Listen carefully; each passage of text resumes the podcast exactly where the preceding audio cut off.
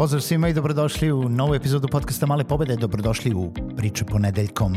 Ovo je poseban serijal koji ide ponedeljkom a, i koji se tiče satiričnih, humorističnih, edukativnih i interesantnih priča koje ćemo pokušati da pričamo ponedeljkom koji nemaju baš mnogo veze sa konkretnim savetima, ali ukoliko se jako zapitate, možda možete izvući nešto iz njih.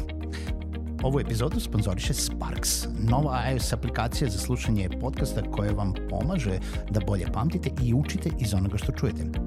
Ako ste kao ja slušate puno podcasta i audio sadržaja, a često u slušanju čujete neki deo koji vas dodatno inspiriše, zaintrigira ili vam jednostavno zvuči genijalno, kroz Sparks možete tokom slušanja memorisati mesto na kojem čujete nešto zanimljivo i još dodati sebi neku poruku, misao ili komentar – Sačuvane sparkove možete pregledati zasebno i uz jedan klik se vratiti nazad na deo koji vas je inspirisao. Ukoliko posjedujete iPhone ili iOS uređaj i želite da probate Sparks, posetite malepobede.rs kroz Sparks sa ks i skinite beta verziju. Idemo na sledeću priču i uživajte u pričama ponedeljkom.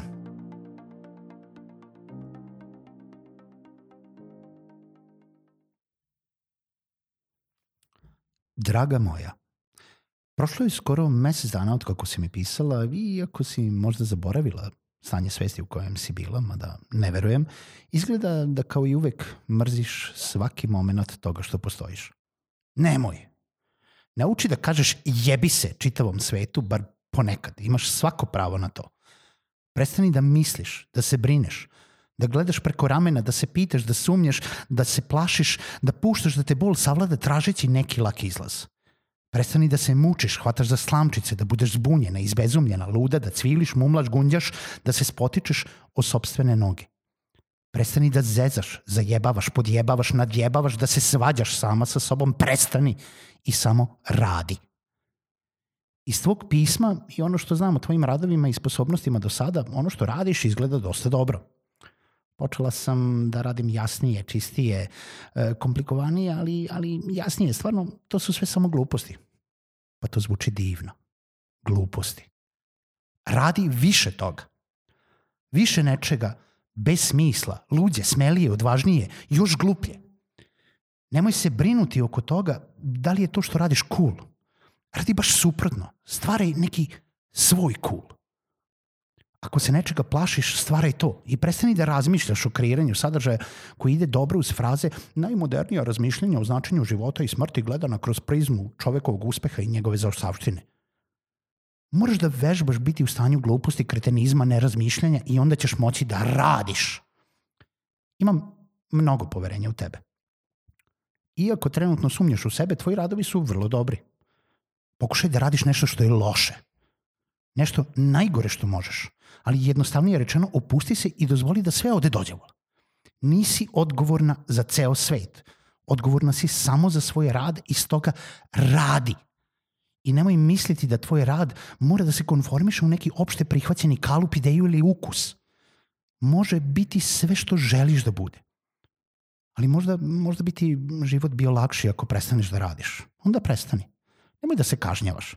Ipak, mislim da je to toliko duboko usađeno u tebi da bi ti jednostavno bilo samo lakše da radiš.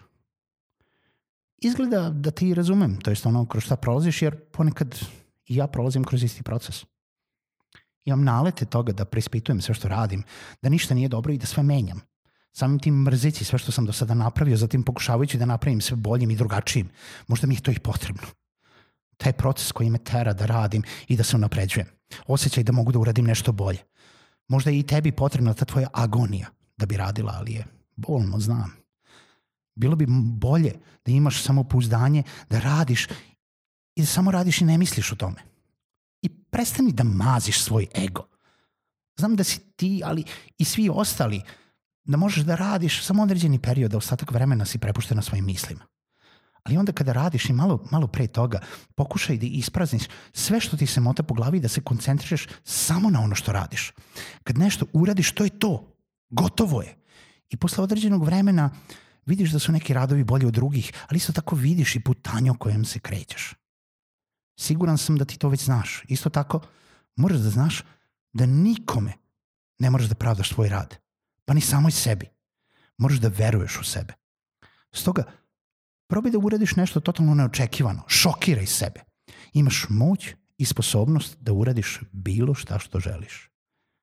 Inače, moj rad se dosta promenio od kako smo se zadnji put čuli i sada je mnogo bolji.